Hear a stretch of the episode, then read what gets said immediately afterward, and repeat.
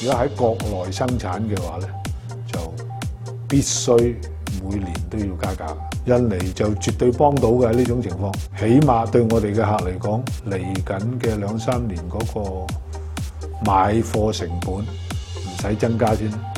運豪係一家生產高精密新合金仿真模型車、合金塑料玩具、五金等等產品嘅香港公司，產品主要銷售到美國、歐洲同内地。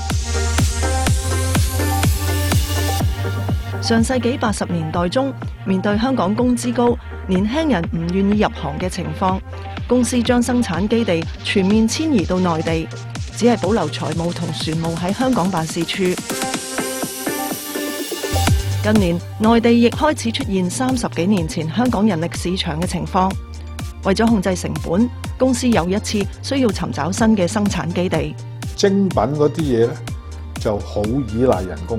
我哋呢類產品咧。自動化程度咧係低好多，所以我哋好依賴廉價勞動力，所以喺國內咧已經提供唔到啦。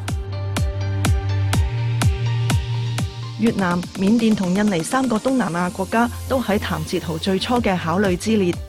經過多次考察同了解之後，終於敲定喺印尼落户。我哋評估過咧，譬如啲稅務優惠啊、免税進口呢啲嘢啊，佢唔及其他國家嘅。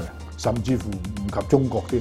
我其中一個落籍印尼嘅原因咧，就係我幾中意佢哋嗰個職業培訓，佢哋嘅職專啊非常發達，比香港比大陸都仲要發達。淨係印尼咁多，有三千幾間 polytechnic。最重要嗰點就係個公園冇限制，兩億幾人幾時先用得完啦？喺地呢方面咧。我哋就發覺，咦？喺印尼好似只要你熟啲門路咧，你可以揾到喎。但係如果喺緬甸啊，或者係越南咧，緬甸咧就係俾一小撮人控制晒啲土地嘅。咁越南咧就全部政府嘅，冇得你熟唔熟啊？差唔多你你邊個區咩價錢都緊咗咁滯。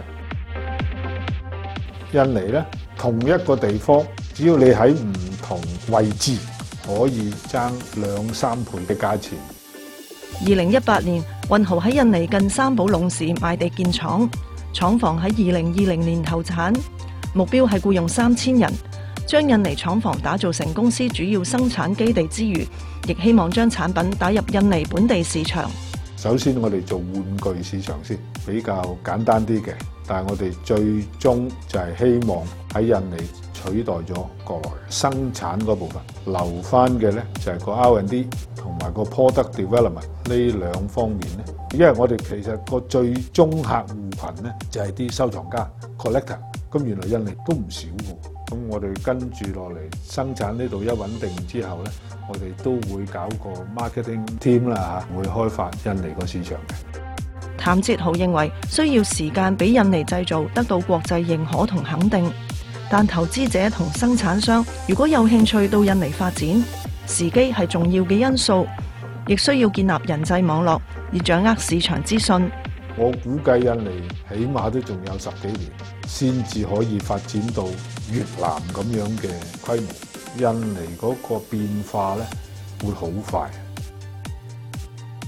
每一個決定咧一定要快。